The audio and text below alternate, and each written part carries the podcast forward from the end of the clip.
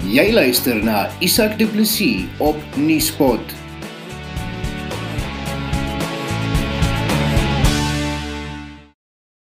Plaasaanvalle het sedert fase 3 van die inperking ontstellend toegeneem. Dit het veral die afgelope naweek gewoel met aanvalle in Limpopo, Vrystaat, Wes-Kaap en Gauteng. In die Vrystaat is die 85-jarige Janetta de Tooy en haar seun Wimpie naby Petersburg erg aangerand en gehospitaliseer. Wimpie is reeds ontslaan, maar Janetta moet 'n neus en heup operasie kry. Afriforum se hoof van gemeenskapsveiligheid, Jan Cameron sê dit was een van talle aanvalle die afgelope tyd. Uh, was die afgedruk tot en met gister was dit op 31 met 4 moorde so daai 31 sluit 4 maande in.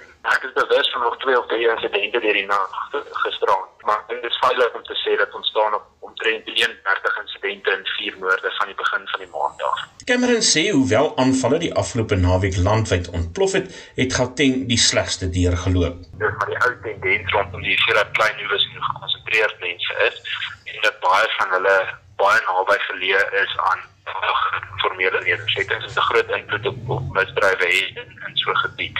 So maar buite Gauteng um, is daar gedeeltes van Mpumalanga jy waar jy dit sien maar maar nie een provinsie op hierdie stadium die frekwensie insidente wat gehad nie spesifiek rondom kom ons sê Simbroko's buite Pretoria. Jy weet die ons spoort area Winningnes Kranslis of Nakor daai area is is regtig vuur warm op die stadium. Cameron sê ook dat dit maar net die begin is. Ek ek dink ons gaan 'n verdere toename sien in die komende weke. Ek dink hoe swaarder mense kry, dis nie 'n regverdiging van daai maar hoe swaarder mense kry, erger gaan dit word. Meer mense gaan betrokke op die staat in die algemeen. Die leier van die Vryheidsfront Plus, Dr Pieter Groenewald, sê dit lyk of plase nou erger deur misdadigers geteiken word. Die stal in terme van graangewasse, implemente en dit wil voorkom asof ons plase nou 'n teiken is vir die misdadigers. Die Vryheidsfront Plus sê dat dit is totaal onaanvaarbaar en ek het deurlopend tog al die jare gesê dat plaasaanvalle en plaasmoorde moet as 'n prioriteitsmisdaad verklaar word om te verseker dat daar spesialis eenhede is wat kan spesifieke aandag gee aan hierdie plaasaanvalle en plaasmoorde. Die DA se skademinister vir landbou, Anet Stein, sê die party gaan in die lig van die toename in aanvalle 'n parlementêre debat hieroor aanvra. Die DA sal in die vervolg hierdie misdade as haatmisdade aanmeld. Dit sluit diegene wat martel en moord op sosiale media en ander platforms verheerlik in. Ons gaan vra dat die polisie landelike aanvalle herklassifiseer as prioriteitsmisdade. DA raadslede of aktiviste gaan waar moontlik 'n oog hou oor alle ondersoeke en hofsaake wat verband hou met plaasaanvalle en terugvoering daaroor gee aan boere. Ons sal aanhou druk toepas vir die vestiging van volledig toegeruste spesialisteenhede vir die beskerming van landelike gemeenskappe teen aanvalle en inbrake. Intussen lyk dit of al hoe meer boere begin om proaktief teenstand te bied teen aanvalle, sê Cameron. Vertel sover is daar 3 of 4 insidente in die laaste week uh, waar aanvallers of dood geskiet is of gewond is, wat fantasties is. En, en dit gebeur toenemend dat jy die stories terugkry of die verslae terugkry waar hulle sê dat die die slagoffer is nie meer slagoffer nie, slagoffer het terugbeklei. En uh, en dan het die aan net die uh, uh aanvalle die slagoffer geword en, en daai seer gekry natuurlik tereglik so. 'n Boer van Sastron in die Vrystaat, Gerard van der Walt, kon daarin slaag om een van sy aanvallers die naweek dood te skiet. 'n Man en vrou van Kreeusdorp kon ook daarin slaag om hulle aanvallers na 'n skietgeveg die Hasepad te laat kies.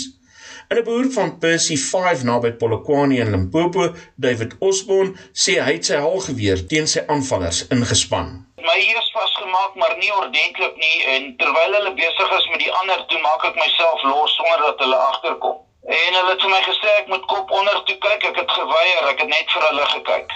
En toe hulle uithardloop, hulle het nie my halgeweer gesien wat ek die vorige aand agter die deur gesit het. Het hulle nie gesien nie. En toe hulle uithardloop, toe staan ek op. Op daai stadium was ek naak geweest en en ek gryp my halgeweer en ek begin vir hulle te skiet. So die, hulle was klaar op die bakkie en besig om te ry. Uh hulle was so seker so 40 meter toe kom ek uit die huis uit en toe begin ek op hulle te skiet. Cameron sê die gemeenskap en veiligheidsorganisasies se paraatheid help ook dat hulle goeie sukses kom behaal in die stryd teen plaasaanvalle.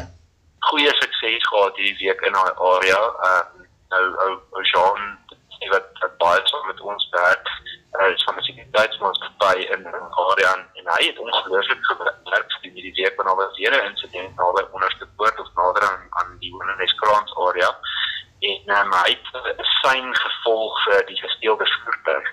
En toe hy weer toe kom hy by 'n huis aan waar die die sein laaste opgetel is en toe hy weet hy toe harte die klomp aanvallers uit die huis uit en hulle vlug toe.